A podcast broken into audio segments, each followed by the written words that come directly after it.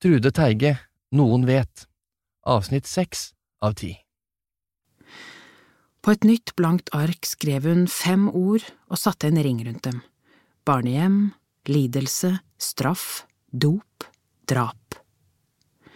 Hun satt lenge og bare så på ordene. Det hang sammen. Hun husket hva Sperre hadde sagt. Når samfunnet ikke straffer dem som bør straffes, kan det hende noen andre gjør det. Nå visste hun hva han hadde ment. Han hadde selvsagt sett alt det hun nå så i kartotekboksen. Hva mer visste han? Hadde han en mistanke om hvem som sto bak? Fantes gjerningsmannen eller gjerningsmennene i den grønne boksen hans? Hun måtte snakke med ham igjen, om hun så skulle bryte seg inn hos ham. Det var en stille kveld, ikke et vindpust. Fremdeles lå store snøklatter på plenen. Litt regn begynte å tromme på taket. Det første regnet på flere måneder. Det kunne komme snø, bli kaldt igjen, men dette var det første tegnet på at vinteren snart var forbi. Hun dro bena oppunder seg i stolen idet regnet tiltok i styrke. Hun elsket lyden mot taket, sildringen i takrennene. Hun smilte tilfreds ut i mørket. Og da regnet tiltok og trollkjerringene danset på terrasserekkverket, ble smilet enda bredere. Hun tenkte på Karsten. Det var noe i det han hadde fortalt som hørtes sammen med noe annet hun visste, men hun kunne ikke komme på det. Hjernen er omtåket av vinen, tenkte hun. Gå og legg deg, så kanskje du kommer på det i morgen. Han sto allerede parkert ved stasjonen da han gikk av toget og så at hun begynte å spasere hjem. Han hadde lyst til å gå ut av bilen, slå følge med henne, som om de var to gamle bekjente som traff hverandre. I stedet kjørte han til 7-Eleven, kjøpte kaffe og en pose boller, og kjørte til parkeringsplassen ved sjøen. Det var mørkt, men han visste nøyaktig hvor stien gikk. Han kjente den som sin egen bukselomme nå. Det var godt å gå der, trygt, et sted han var kjent, følte tilhørighet til. Noen ganger hadde det vært på omtur, men flere ganger hadde han fått oppleve denne roen det ga ham å være sammen med henne. Han håpet at hun ikke var trøtt og ville gå rett til sengs. Han måtte se henne, se henne sitte der, alene. Da ville det bare være hun og ham, ingen andre, bare de to. Da han kikket over kanten til terrassen, ble han skuffet. Den var tom, men han gikk under terrassen, satt helt stille, slik han var så god til, og ventet og da han hørte et lite knepp i terrassedøren, dro han pusten hardt, kjente hvordan hjertet slo litt hardere. Forsiktig reiste han seg, kikket gjennom glipen mellom rekkverket og terrassegulvet, og så henne sette seg i sofaen. Igjen slo det ham hvor merkelig det var å sitte på terrassen midt på natten en slik kald kveld. Han likte det, likte at hun gjorde slike rare ting. Du er rar, tenkte han, og smilte. Han hadde vært så skuffet over henne denne kvelden. Det hadde gjort så veldig vondt å se henne sitte der og flørte med Kjølås på teaterkafeen. Hun hadde virkelig såret ham dypt. Så dypt at han hadde følt et voldsomt raseri, en lyst til å betale henne tilbake, at hun skulle få smake hva han kunne gjøre når hun gjorde sånt mot ham. Han måtte virkelig ta seg sammen for ikke å tenke på det. Men nå var disse tankene borte. Nå, da han sto her, og det bare var hun og han. Han ville jo aldri finne på å gjøre noe vondt. Akkurat da han tenkte slik, tiltok regnet. Han betraktet Kajsa som lente seg tilbake med et lite, fornøyd smil, som ble til et enda større smil mens hun så ut i luften, rett mot ham. Tenk å sitte sånn og glise i regnet, i mørket for seg selv. Hele kroppen hennes oste av velvære, livsglede. Han smilte tilbake. Raring.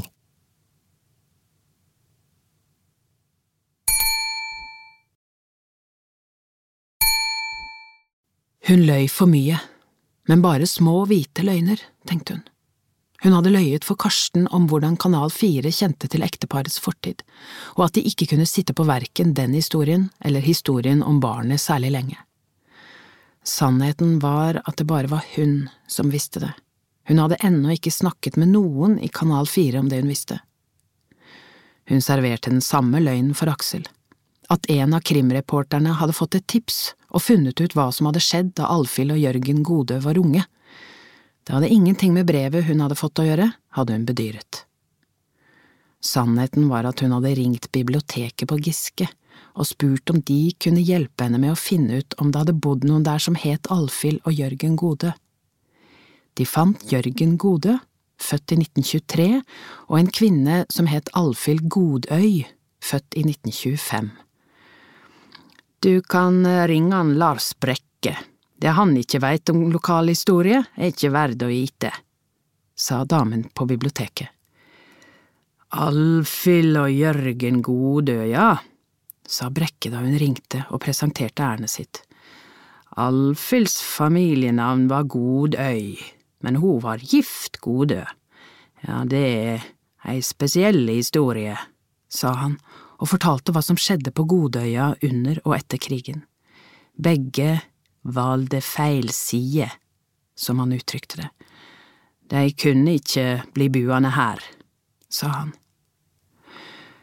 Hun snakket sant til Aksel da hun sa at det var Birte som hadde fortalt henne om barnet som ble tatt fra dem.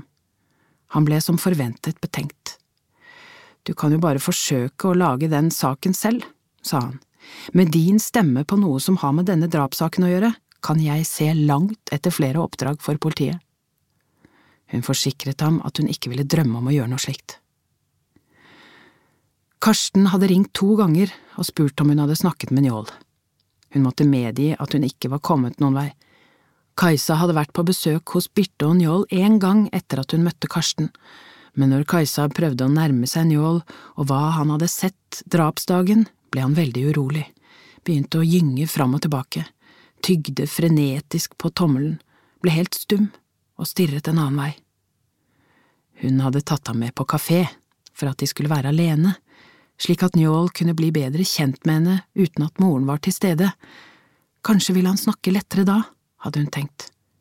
Hun hadde latt være å spørre ham om Alfhild og Jørgen Godø og det som hadde skjedd med dem, bare vært sammen med ham. Njål elsket å gå på kaffebrenneriet i Asker og drikke cappuccino og spise kjeks med nøtter og sjokoladebiter. Etter hvert snakket han litt mer, selv om han i liten grad tok initiativet. Lørdag ettermiddag jogget hun rundt Semsvannet. På impuls kjørte hun innom Birte og Njål på tilbakeveien. Njål satt på trappa, som vanlig. Hun parkerte bilen i veikanten og gikk ut. Blir det med å jogge, Njål? ropte hun til ham.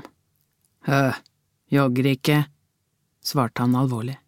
Jeg bare tøyset, sa hun og smilte mens hun gikk mot ham. Men kanskje du vil være med å gå en tur, så kan du være guide for meg, du som er så godt kjent her, spurte hun impulsivt. Til hennes overraskelse reiste han seg. Skal hente jakken, sa han og forsvant inn. Like etterpå var han tilbake. Vi går her, sa han og strente forbi henne. De gikk på nedsiden av huset til Alfhild og Jørgen Godø. Njål gikk foran i en stor bue utenom huset og inn i skogen på den andre siden. Solen skinte gjennom trekronene. Det lå fremdeles store flekker med snø i hellingene på skyggesiden, men solen hadde fått godt tak de siste dagene. Stien var våt og gjørmete, telen var i ferd med å forsvinne, og det luktet furu og råttent gress og løv. De fulgte et lite bekkefar oppover, og snart var de på en topp der de kunne se langt utover landskapet. De hadde utsikt mot huset til Birte og Njål, og de kunne se gården til Alfhild og Jørgen. Kajsa fant fram en Kvikk fra lommen og delte med Njål. Det er fint her, sa hun. Ja, svarte han. De satt stille ved siden av hverandre en lang stund. Jeg vil ikke snakke om Arvid, sa Njål plutselig. Arvid? Nei, Arvid er jo død, svarte Kajsa. Njål svarte ikke, tok bare en bit til av sjokoladen. Husker du Arvid, da? spurte hun lett. Ja, svarte han. Hvordan var Arvid, da? Ikke noe svar. Kajsa betraktet Njål. Han viste ingen tegn til den vanlige uroen når de snakket om noe som hadde med Alfhild og Jørgen Gode å gjøre. Han verken gynget eller tygde på tommelen. Kanskje var det fordi han følte seg tryggere her ute i naturen. Det slo henne at samtalen med Njål var som radioprogrammet 20 spørsmål med Knut Borge, svarene var ofte bare ja eller nei. Kanskje kunne hun komme videre dersom hun stilte de riktige spørsmålene. Njål sa sjelden noe uoppfordret, det hadde hun forstått, men det var i det minste noe at han svarte henne når han tidligere hadde vært så veldig uvillig til å gå inn i dette. De satt stille igjen en god stund. Kajsa var redd for å presse ham for hardt, at han skulle gå i vranglås igjen. Var det på den andre siden av tjernet mannen sto? Hun holdt pusten. Ja, kom det fra Njål. Ok, tenkte hun, riktig spørsmål. Ja–nei-spørsmål. Jeg får bygge forsiktig på det han sa sist han snakket om mannen ved tjernet. Sto han helt stille? Ja. Så du ansiktet hans?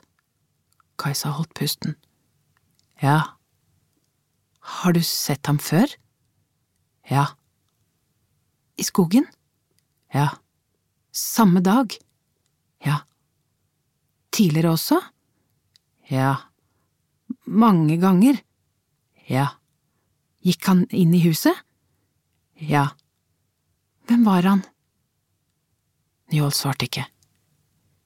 Kjente du ham? Ingen respons. Kjente du ham, Njål? Spurte hun igjen. Da begynte Njål å tygge på fingeren. Vil ikke snakke om Arvid. Men Arvid er død, Njål. Arvid er død, gjentok han. Hun tok en kopp kaffe med Birte etterpå. Hver gang hun møtte Birte, viste hun sin takknemlighet mot Kajsa for den hjelpen hun hadde fått av henne da hun ble syk. Hva skulle jeg ha gjort uten deg, sa hun. Du er et godt menneske du, Kajsa. Det var en måned siden Alfhild og Jørgen Godø ble funnet døde, og Birte hadde nesten sluttet å snakke om drapet. Kajsa hadde latt temaet ligge de siste gangene hun hadde vært på besøk, enda hun brant etter å få vite mer om ekteparet, ikke minst nå når hun selv visste mer. Du, Birte, kan jeg spørre deg om noe? sa hun. Hva da? Nei, jeg lurte bare… Kajsa lette etter ordene, men fant ut at det enkleste og mest direkte var det beste. Det var du som meldte fra om hvordan Arvid hadde det hjemme, var det ikke? Birte så lenge ut av vinduet. Så sa hun til slutt, Ja, det var jeg. Øff, Kajsa, jeg vil helst ikke snakke om det, men du måtte vel skjønne det til slutt. Hun sukket tungt. Jeg kunne ikke utholde det lenger, og vite i år etter år hvordan det barnet hadde det. Fra den første gangen Birte hadde sett barnet, da han var nyfødt, hadde hun fulgt med. Hun hadde gått sine daglige turer med barna. Det ville være løgn å påstå at det var helt tilfeldig, hun så ikke bort fra at hun var nysgjerrig på dette barnet som plutselig var der. Men hvem ville ikke vært det? forholdene tatt i betraktning, med dette ekteparet som kom hit som tilflyttere og levde fullstendig isolert fra naboene, som om de prøvde å gjøre seg usynlige. Det første hun hadde lagt merke til, var at barnet lå i vognen og skrek og skrek, lenge, uten at det ble sett til. Jeg kunne ikke tro det var sant. En gang holdt jeg meg i skogen rundt huset deres i en time, mens barnet gråt og gråt uten at noen var i nærheten. Faren var ute på jordet og arbeidet, så han hørte det vel ikke, men moren… Hvor var moren? Til slutt kom hun ut og tok barnet hardt opp fra vognen mens hun småskjente. Så ble barnet større, og faren bygde en sandkasse rett utenfor trappa. Birte hadde tenkt at det var fint for barnet, men det var det ikke, for Arvid hun visste ikke da hva han het, satt der alene i timevis. helt fra han var så liten at han knapt kunne sitte uten støtte. Etter hvert som tiden gikk, sluttet han å gråte lenge om gangen. Jeg brukte å stå på den andre siden av tjernet, der jeg hadde god utsikt og kunne følge med. Jeg hørte ham gråte, ofte, lenge. Men så var det som om den lille gutten forsto at det ikke var noen vits. Så han satt der bare, lekte litt med noen biler, bygde veier i sanden, kjørte bilene rundt, men han brummet aldri, slik barn gjør når de kjører bil. Han brummet aldri. Til å begynne med pludret han litt for seg selv, men, men etter hvert ble han helt stille. Det var det som var så skremmende. Han var helt stille. Da han var cirka tre år, hadde han fått en trehjulssykkel som han syklet rundt på gårdsplassen med. Det var tydelig at han elsket den sykkelen. Han satt på den sent og tidlig, når Birte og barna kom forbi.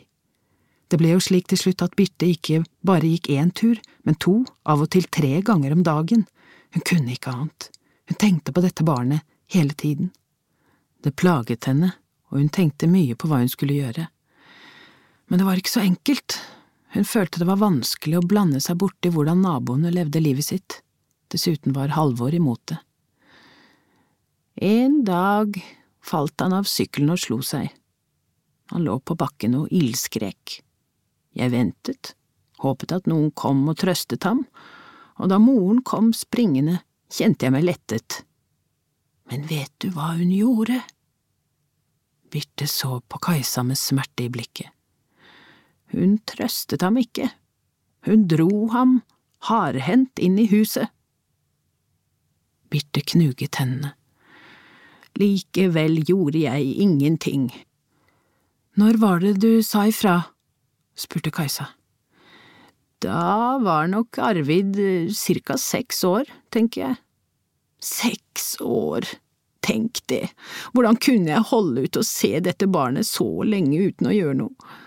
Det er ingenting jeg angrer så mye på som at jeg ikke sa fra tidligere. Birte trakk pusten. Det er derfor jeg ikke har sagt noe om det, sa hun. Jeg har ikke orket å snakke om det. Da jeg snakket med Njål i dag, virket det som om han husket Arvid. Hvordan har det seg? En dag da Arvid var cirka fire år, sto han plutselig like utenfor gjerdet vårt og så på Ingvald og Njål som lekte i huskestativet.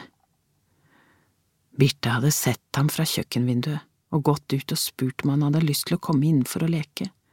Først hadde han bare stått der uten å svare, så hadde han nølende klatret over gjerdet. Hun hadde stekt vafler, og han hadde sittet ved bordet ute i hagen og spist og drukket ripssaft sammen med dem. Han hadde ikke sagt et eneste ord hele den tiden han var der, men neste dag kom han tilbake. Jeg kan huske første gang han lo, det er noe av det fineste jeg har hørt noen gang. Etter hvert hadde han også snakket mer, men aldri mye, ikke skravlet sånn barn i den alderen gjør. Birte hadde lagt merke til at han ofte hadde blåmerker i ansiktet. Det er jo sånt som skjer, enkelte barn slår seg jo hele tiden men han syntes ikke å være et slikt aktivt barn som faller mye, så jeg undret meg. Visste foreldrene at han var hos dere? Nei, det tror jeg ikke. Hva var det som gjorde at du meldte fra? Da han var seks år, skjedde det noe. Arvid var her, og Ingvald og Njål kranglet så busta føyk, jeg måtte gå imellom. Jeg var nok litt hardhendt, jeg tok dem begge hardt i armene og kjente på dem, men jeg stoppet omtrent midt i bevegelsen, ved synet av Arvid. Hva gjorde han? Han krøp sammen og holdt armene over hodet, som om han forventet at jeg skulle slå ham. Han så ikke på meg, han bare satt og ventet på slagene, som om han trodde det var uunngåelig. Det var noe resignert, et barn som innfant seg med alt. Så forferdelig. Ja, Da forsto jeg. Jeg måtte foreta meg noe.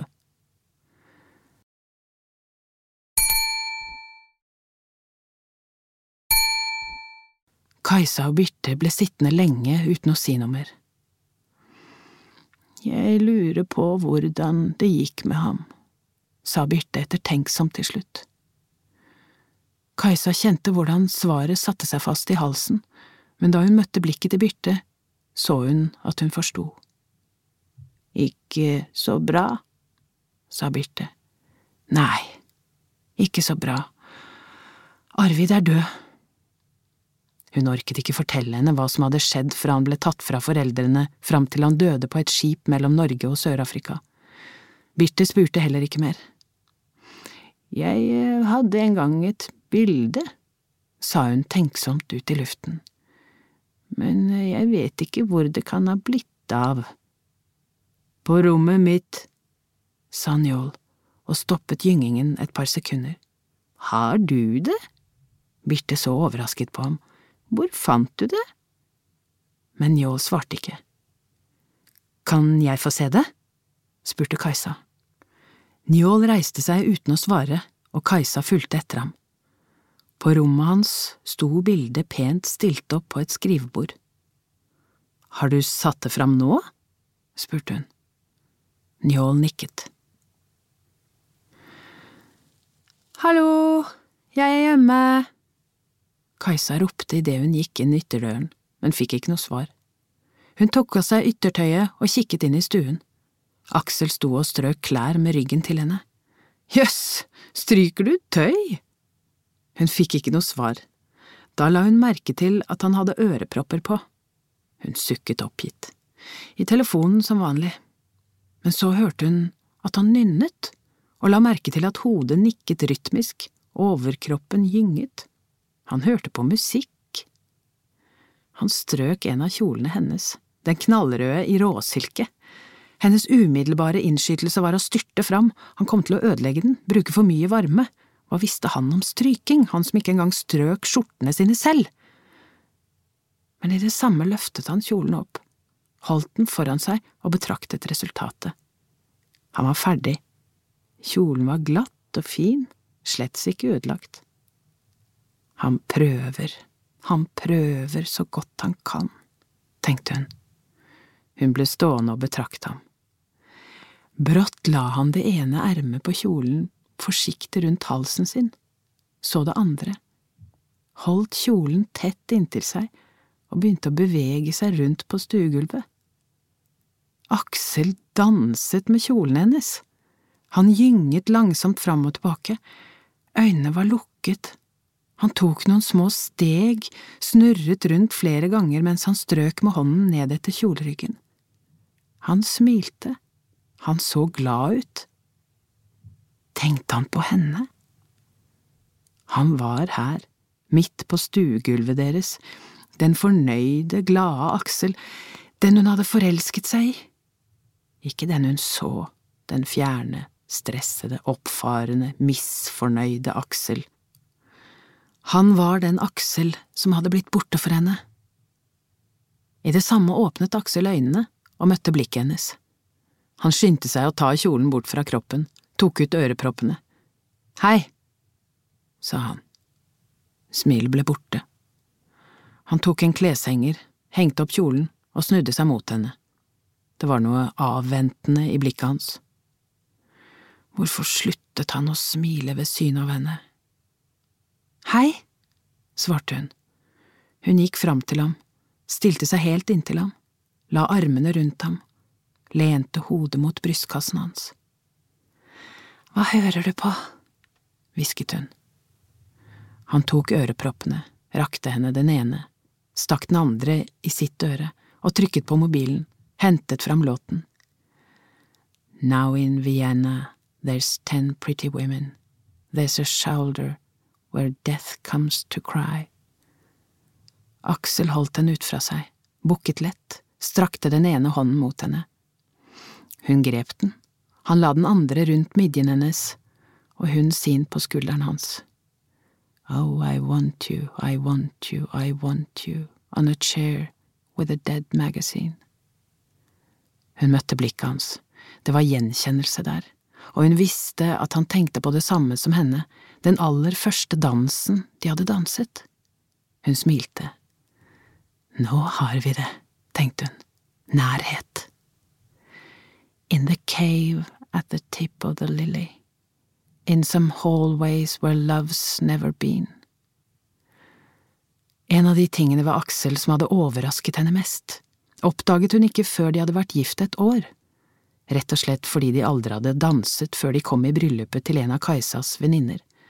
Brudeparet hadde valgt seg Take This Waltz med Leonard Cohen som brudevals, og Kajsa og Aksel hadde danset sin aller første dans sammen. Til hennes forundring var han en usedvanlig god danser. Han fortalte at han hadde drevet med selskapsdans i mange år, helt siden han var seks år gammel. En, to, tre, en, to, tre, til siden, tilbake. Sakte førte Aksel Kajsa til fiolinens valsetakt. Ei, ei, ei, ei. Han snudde henne rundt og rundt til hun ble helt svimmel. Hun så ham for seg, dansende med den røde kjolen hennes. Take this walls, take this walls, take its broken waist in your hand. Han dro henne inntil seg, presset hånden hardt mot korsryggen hennes. Hun svarte med å flytte hånden fra skulderen til hårfestet i nakken hans. This walls, this walls, this walls, this walls, with its very own breath of brandy and death dragging its tail in the sea. Da Aksel hadde sovnet, han sovnet alltid så lett, sto Kajsa opp. Hun kunne ikke sove. Aksels nærhet satt som en varm, lett tilfredshet i kroppen. Hun gikk ut på terrassen og tok med seg bildet hun hadde fått av Njål. Han hadde gått med på at hun fikk låne det. Bare låne, ikke få, hadde han sagt. Et bilde sier mer enn ord, tenkte Kajsa. Njål, Ingvald og Arvid satt ved et campingbord i hagen til Birte.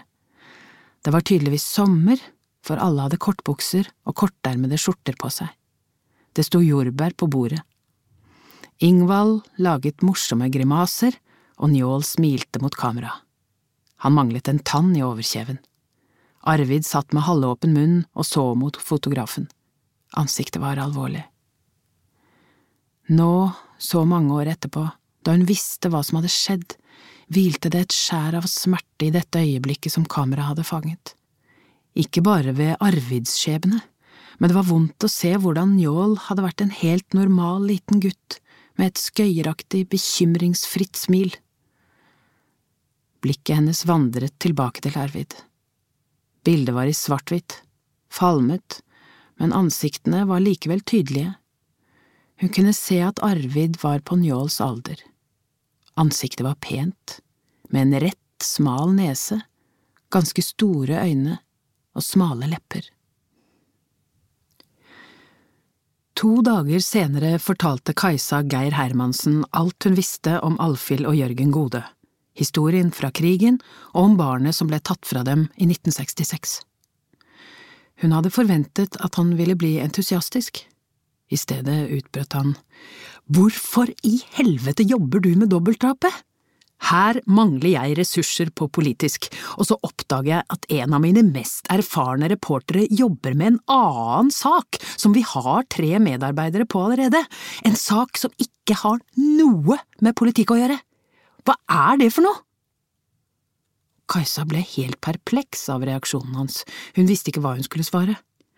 Og hva med privatlivet ditt? Går ekteskapet til helvete nå? la han til. Forbauselsen vek for sinne. Det har vel ikke du noe med, sa hun. Men hvis du ikke vil ha sakene, så gjerne for meg, jeg kan tipse en venn i VG. Hun merket det selv, at stemmen var for høy. Hun så rasende på Geir. Han hadde vært helt uspiselig i det siste, alle fikk gjennomgå når han var i dårlig humør. De sto som to kamphaner overfor hverandre midt på gulvet i politisk avdeling. Det var blitt stille rundt dem, alle fulgte opptrinnet med interesse. Aksel har ikke noe med dette å gjøre, freste hun lavt. Naboen fortalte meg om barnet, og dessuten… Hun dro pusten hardt. Så, så har jeg fått brev. Det kan være fra gjerningsmannen, sa hun, og angret i samme sekund som ordene fløy ut av munnen hennes. Geir bare så på henne. Inn på kontoret. Stemmen hans var knapt hørbar. Han lukket døren til kontoret sitt og ble stående foran henne. Fortell. Alt. Kajsa fortalte ham om brevet hun hadde fått hjem til seg, og nå fortalte hun også om brevet hun hadde fått på jobben. Hun visste jo ikke om det virkelig var fra drapsmannen, verken det ene eller det andre brevet. Men uh, muligheten er der, måtte hun vedgå. Politiet har fått begge brevene, men det var ingen fingeravtrykk eller andre spor på dem. Geir ville ha et ærlig svar på om hun hadde brukt arbeidstiden til å gjøre undersøkelser rundt dobbeltdrapet, men hun løy glatt igjen. Jeg tok bare en sjekketelefon til en jeg kjenner på Sunnmøre. Han fortalte meg hva som hendte under krigen, og jeg har hatt litt kontakt med naboen deres, Birte Christiansen. Hun trengte litt hjelp, og det var hun som fortalte meg om barnet Alfhild og Jørgen Gode hadde hatt en gang, sa hun og kjente seg dum. Hun skyndte seg å legge til at hun hadde tatt kontakt med etterforskningsledelsen, at de var kjent med at hun visste dette, og at Kanal 4 ville gå ut med begge sakene. Bare sjekketelefon, du, liksom, sa Geir, men nå smilte han. Vi sender en reporter til Ålesund for å lage krigshistorien. Du lager historien om barnet, men vi får en annen til å legge stemmen sin på den. Nå smilte han. Vi kan jo ikke risikere ekteskapet ditt, kan vi vel? Geir Hermansen var med ett i strålende humør. Første headlines-saker, begge to, to dager etter hverandre. Når kan vi kjøre dem? Etterpå sendte hun en SMS til Karsten og varslet ham om at den første saken ville bli sendt to dager senere. Det tok ham 30 sekunder å svare. Ok, liker det ikke, men fint du sier fra.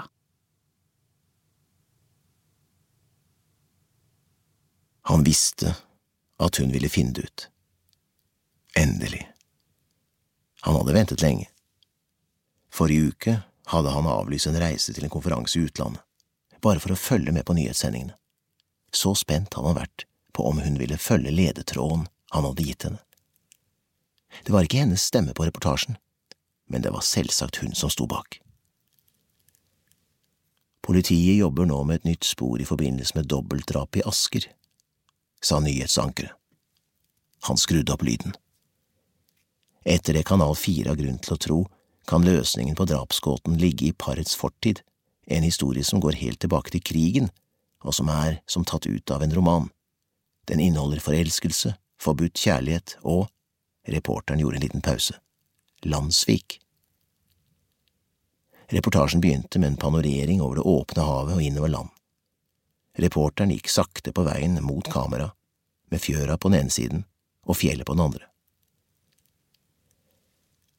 Her på Godøya, utenfor Ålesund, vokste Alfhild og Jørgen Gode opp, sa han. De bodde ikke langt unna hverandre. Livet deres var preget av harmoni og trygghet i familier som levde av det jorda og havet ga dem. Men så kom krigen og snudde opp ned på alt. Fra da av er deres liv som hentet ut av en krigsroman. Det handler om to mennesker som havnet på feil side, og som fikk merke hvordan deres svik for alltid skulle legge deres livsstrømmer i grus. Det var en god reportasje, med flere intervjuer med folk på øya. De var på sitt sunnmørske vis nøkterne i sin omtale av Alfhild og Jørgen Gode, men reporteren malte med bred pensel historien om Alfhild som tyskertøs, og Jørgen som den som anga flere menn som var involvert i shetlandstrafikken. To familiefedre fra øya ble sendt til Grini og senere til Dachau. De kom aldri tilbake. Ja, ja, dei passer nå godt sammen, han Jørgen og Alfhild, kan en seie, sa en mann som ble intervjuet. Alfhild og Jørgen ble kjærester noen år etter krigen, og de giftet seg i 1952.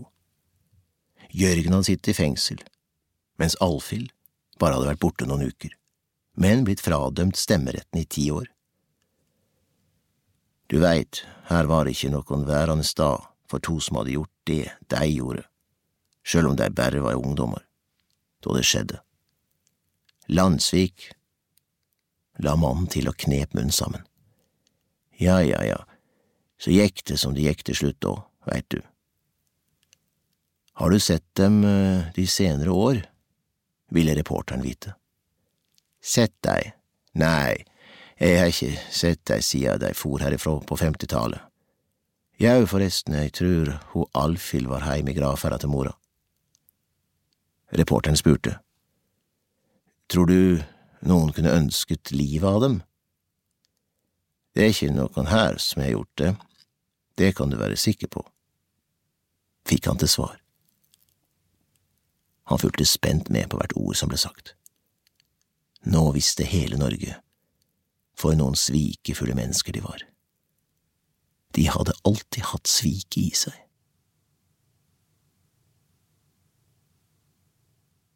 Dagen etter sendte Kanal 4 den andre saken, om barnet som ble tatt fra Alfhild og Jørgen Gode i 1966. De brukte bildet til Birte og Njål for alt det var verdt, og det var ganske mye, for det var det eneste nye bildet de hadde. Det ble filmet i alle mulige vinkler, halvnært, nært, total. I tillegg dro Kajsa tilbake til gården med en fotograf som fikk brukt all den kreativiteten han sjelden hadde tid til i det daglige nyhetsarbeidet. Han brukte den mest suggererende teknikken en fotograf kan bruke. Han sprang gjennom skogen, gikk over enga og opp trappa med kamera, så seerne skulle få en følelse av at det var festet til den lille guttens kropp mens han tok seg fram i terrenget.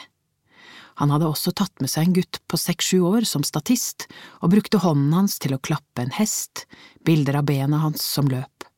Disse bildene ble kjørt i saktefilm, i svart-hvitt, som innklippsbilder mellom sekvenser med subjektivt kamera, og ga et skjær av autentisitet, som om de var tatt mens Arvid fremdeles bodde her på gården.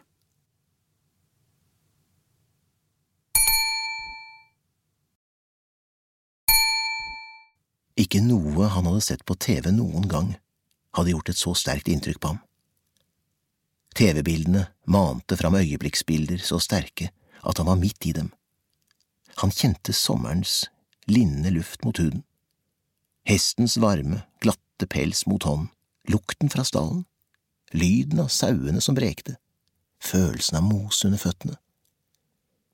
Han gjenkjente gleden over alt dette, sorgen over det tapte, han kveilet seg opp i sofaen, holdt armene rundt seg. Og gråt stille. Han kunne ikke slutte, han gråt og gråt, helt til han tenkte, så har hun funnet meg til slutt, det måtte jo skje, for selv om det var en annen reporters stemme, så visste han at det var Kajsa som hadde funnet ham. Da han tenkte slik, kjente han at smerten letnet litt. Hun har funnet meg.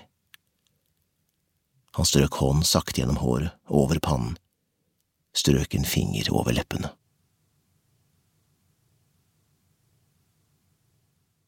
Dagen etter innkalte politiet til pressekonferanse.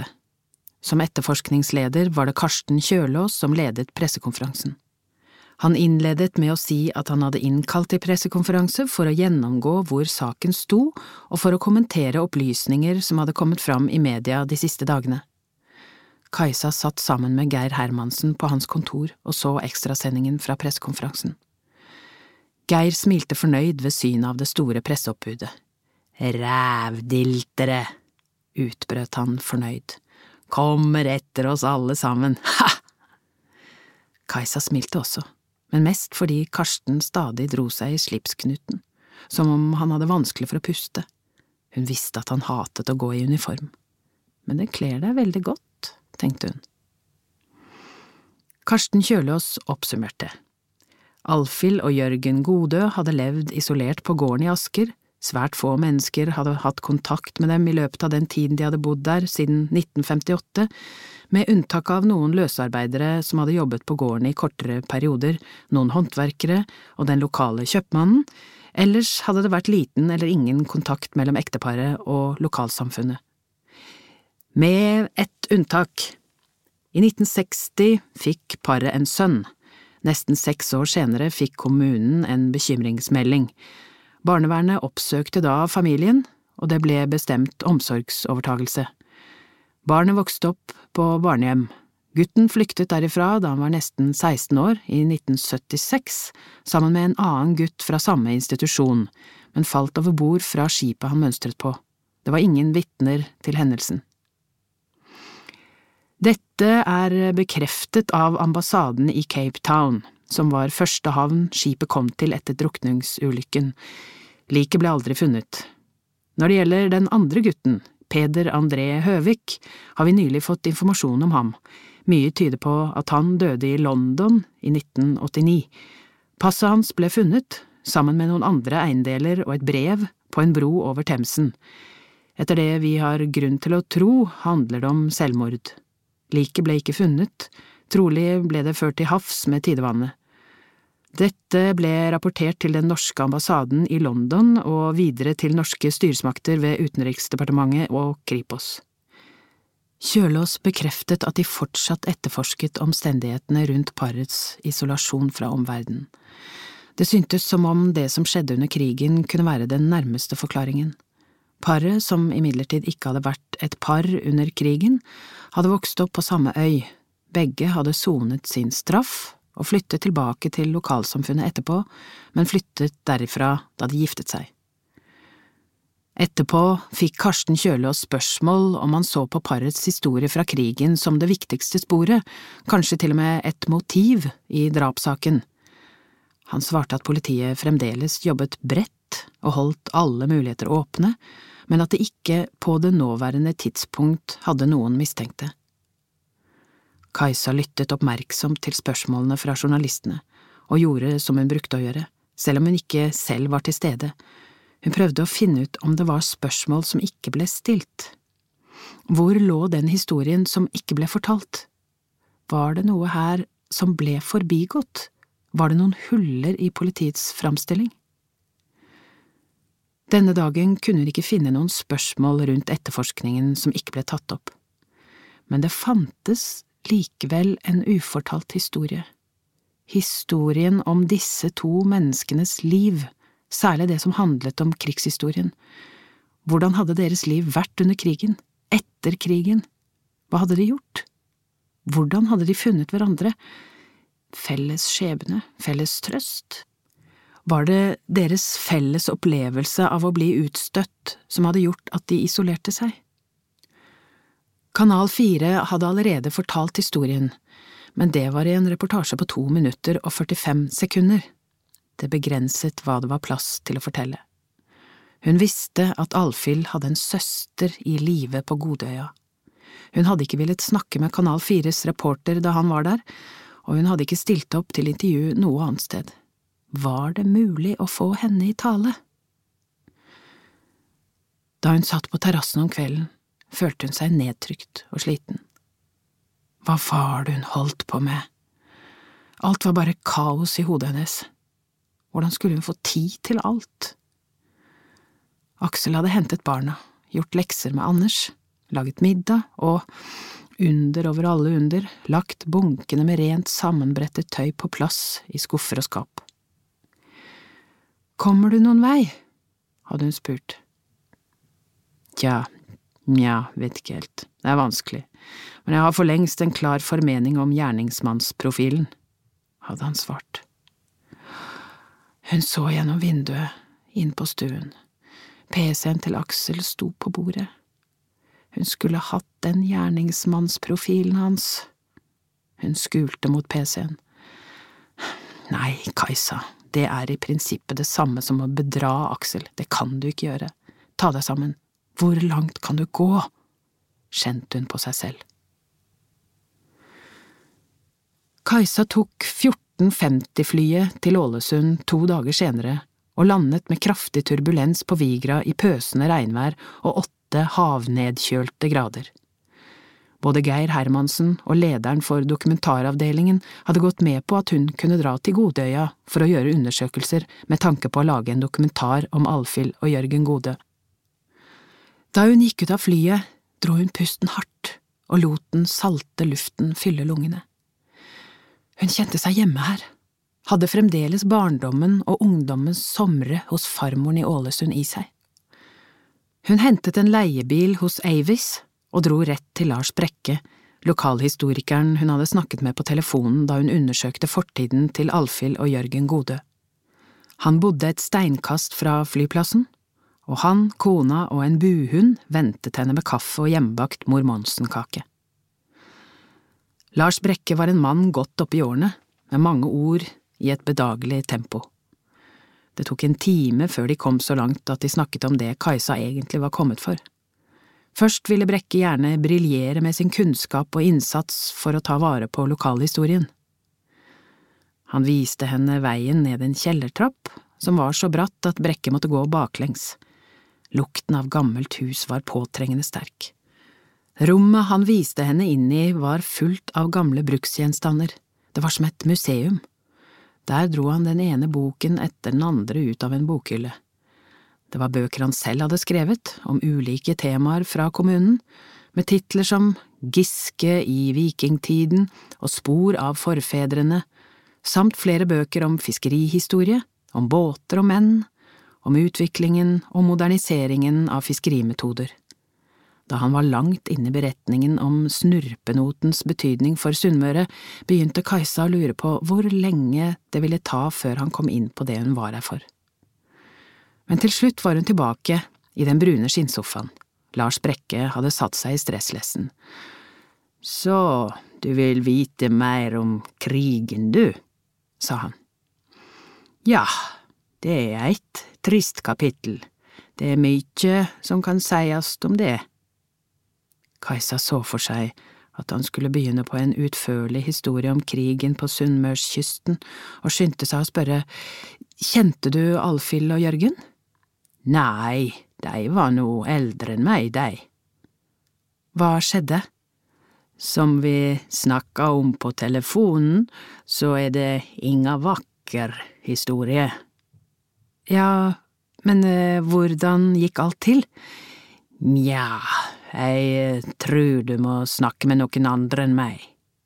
Ja vel? Ja, jeg har snakka med søstera hennes Alfhild, og hun var ikke mye villige, men du kan besøke henne i morgen. Jeg vil ikke være den som snakker med journalister om ting folk vil gløyme. Det får de gjøre sjølve om de vil. Greta Godøy fylte hele døråpningen. Hun gikk sakte foran Kajsa gjennom gangen og inn i stuen. Forseringen av dørstokken med rullatoren fikk valkene rundt hoftene, overarmene og de tunge brystene til å disse. Ja, vær så god og sett deg, sa hun og nikket mot sofaen. Stuen var overmøblert, ikke en bokhylle eller vinduskarm var uten nipsfigurer. Akkurat som hos farmor, tenkte hun. Hun gjenkjente til og med en porselensdame som sto på fjernsynet. Den hadde hvit og lyseblå kjole med parasoll i samme farger og en gullfarget lenke som var en hundelenke til en hvit puddel. I det ene vinduet sto en enorm kaktus, svigermors tunge. Sofaen var i konjakk og beigefarget genilje, treseter og toseter. På hjørnebordet sto en halvhøy lampe med en snirklete messingfot og brunfarget fløyelsskjerm. På veggene var det offwhite strietapet, bortsett fra på den ene, der var det imitert mahognipanel. Hele den ene veggen var dekket av en mørk, nesten sort reol med mørkt glass i dørene, opplyst av innfelt overlys. Stuen var som tatt ut av et interiørmagasin fra syttitallet. Det var dekket på til to på det runde bordet med innfelte oransje, beige og brune keramiske fliser. Kaffekannen sto klar, det samme gjorde et fat med nystekte sveler og vannkringler. Kringler og sveler! utbrøt Kajsa, oppriktig glad, både fordi det ga henne noe hyggelig å si, noe å slå an tonen med, og fordi hun var veldig glad i begge de to sunnmørske kaffespesialitetene. Liker du det? Spurte Grete, og så minst like glad ut. Å ja, jeg elsker det! Det er noe veldig sunnmørsk. Ja, men så er jeg halvt sunnmøring også, svarte Kajsa smilende på klingende dialekt. Nei, du sier ikke det. Faren min var sunnmøring. Jeg bodde her til jeg var ti år, og alle feriene tilbrakte jeg hos farmor i Ålesund da hun levde. Nei, du sier ikke det. Greta Godøy smilte, og Kajsa priset stille stamtavlen sin. Kanskje dette ikke ble så vanskelig som hun hadde fryktet på forhånd. Hun hadde iallfall skaffet seg et godt utgangspunkt. Ja, nå må du forsyne deg, sa Greta mens hun med stor anstrengelse beveget seg fra rullatoren og over i stolen. Jeg kan skjenke kaffe, tilbød Kajsa seg. Ja, det er fint gjerde, du, med meg er ikke det så mye tess. Kajsa ville gjerne komme til saken så fort som mulig men så mye kunnskap hadde hun om sunnmøringene at hun visste det måtte ta den tiden det tok, det ville være dårlig taktikk å buse på. Hun skjønte hvor Greta ville hen i omtalen av seg selv, så hun spurte høflig, er det beina som svikter? Å ja, hoftene, jeg opererte operert i den ene, men jeg var ikke vellykka, sånn andre får bare være, og nå er jeg så gammel at det er ikke noen vits i å reparere meg. Du er vel ikke så gammel, sa Kajsa og ga henne replikken hun ønsket. Å, jeg blir 76 til høsten. Sier du det? Det ville jeg aldri trodd, sa Kajsa. Greta smilte fornøyd. Her, forsyn deg, sa hun og dyttet fatet med sveler nærmere Kajsa.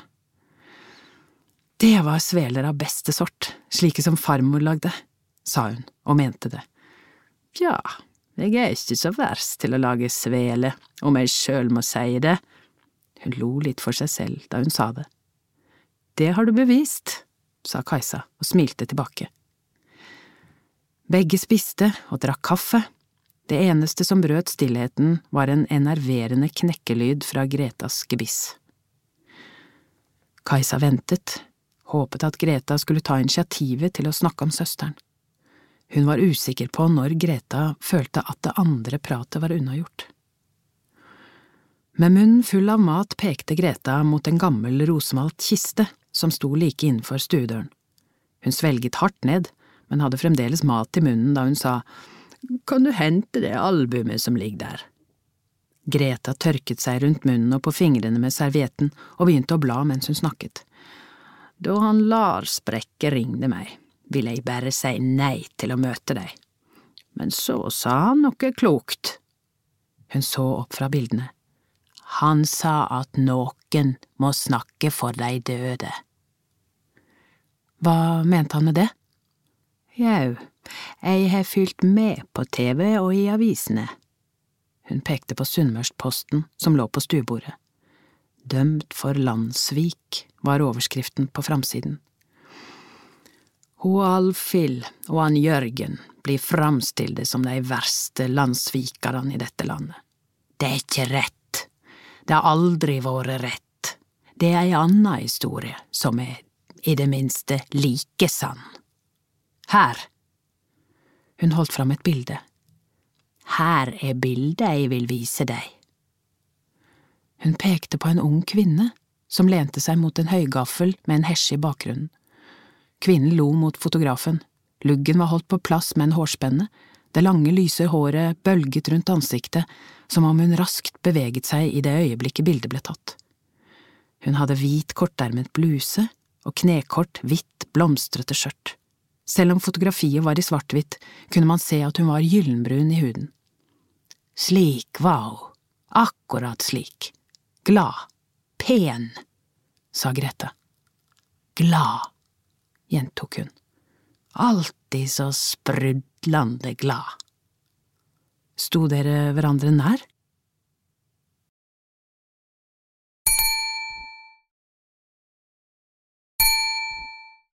Greta Godøy fortalte at de to søstrene hadde hatt et svært nært forhold. Det var bare knapt et år mellom dem. Alfhild var eldst. Vi delte rom, og det var bare ei som visste at hun sneik seg ut om natta. For å møte… For å møte Otto, ja. Så du visste at hun forelska seg i Otto? Å ja, jeg sa til henne at det ikke kom noe godt ut av det, men hun hørte ikke på meg. Hun var heilt borte vekk i han. Hun bladde i albumet igjen. Her, sa hun og rakte Kajsa et falmet passfoto. Dette er Otto. Bildet viste en ung mann i tysk uniform. Han smilte forsiktig, han så beskjeden ut, snille øyne. Otto var en veldig hyggelig ung mann, ikke en sånn brautende kjekkas, sa Grete. Og han var snill. Han skrev brev heima til mora si hver dag, som ei dagbok som han sendte til Tyskland med jevne mellomrom. Han var veldig bekymra for familien sin. Hvis han hadde kunnet velge, så ville han aldri ha fare i krigen, det er nå jeg sikker på. Visste foreldra dine om forholdet? Å nei, bare jeg visste det. Jeg hjalp henne med å skjule det. Hva annet kunne jeg gjøre? Foreldra mine ville bli helt fra seg om de fikk vite det. Faren min var med i motstandsrørsla, han hjalp flyktninger videre i shetlandstrafikken. De kom hit, og så frakta han de videre sørover, ut i Herøy, der de vart frakta over til England. Ja, vi visste ikke hva han dreiv på med under krigen, først etterpå, men vi forsto at det var noe. Nei, foreldra mine visste ingenting før… ikke før hun vart gravid. Kajsa hadde akkurat tatt en sup kaffe og holdt bokstavelig talt på å sette den i halsen. G gravid? Ja, hun fikk en gutt. En gutt? Stemmen til Kajsa var knapt hørbar. Fikk hun en gutt? Når da? 13. mai 1944. Jeg husker det som det var i går. Hva… hva skjedde med gutten? Noen fikk han. Otto var blitt kommandert bort fra Norge, og Alfhild fant ut at hun var gravid etter at han var reist. Her. Greta bladde igjen og pekte på en gulnet side fra Sunnmørsposten. Gretas finger pekte på en annonse som var inneklemt mellom annonser for kattunger og ved til salgs, under rubrikken Diverse. Er det noen snille menneske som vil ta til seg eit udøypt gutebarn som sitt eige? Billettmerk 736 Det var Alfhilds far som hadde satt inn annonsen, og som noen dager senere tok med seg barnet og dro. Ingen fikk vite hvor han skulle. Hun Alfhild sørga sånn at vi trodde hun skulle døy. Gretas lepper skalv. Jeg tenker på barnet hver dag. Hva det vart av han, korleis fikk han det, var de snille med han, de han kom til, lever han i dag?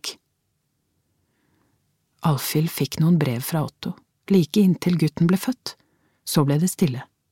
Han ble sendt til østfronten, og Alfhild innså etter hvert at Otto måtte være død. Hun var utrøystelig, hun nekta å ete, og til slutt var hun bare skinn og bein og vart innlagde på galehuset på Oppdøl, eller psykiatrisk, som det heiter i dag. Greta fortalte at da freden kom, et snaut år etter at barnet ble født, ble alt enda verre for Alfhild. Hun ble stemplet som tyskerhore og sendt til en interneringsleir i Kongsvinger. Hun var imidlertid i så dårlig forfatning at hun igjen ble innlagt, og etterpå ble hun sendt hjem til foreldrene. Hun ble fradømt stemmeretten i ti år. Det var ei sånn skam for familien at det ikke var til å bære, særlig for han far, motstandsmann med ei dotter som var tyskertøs.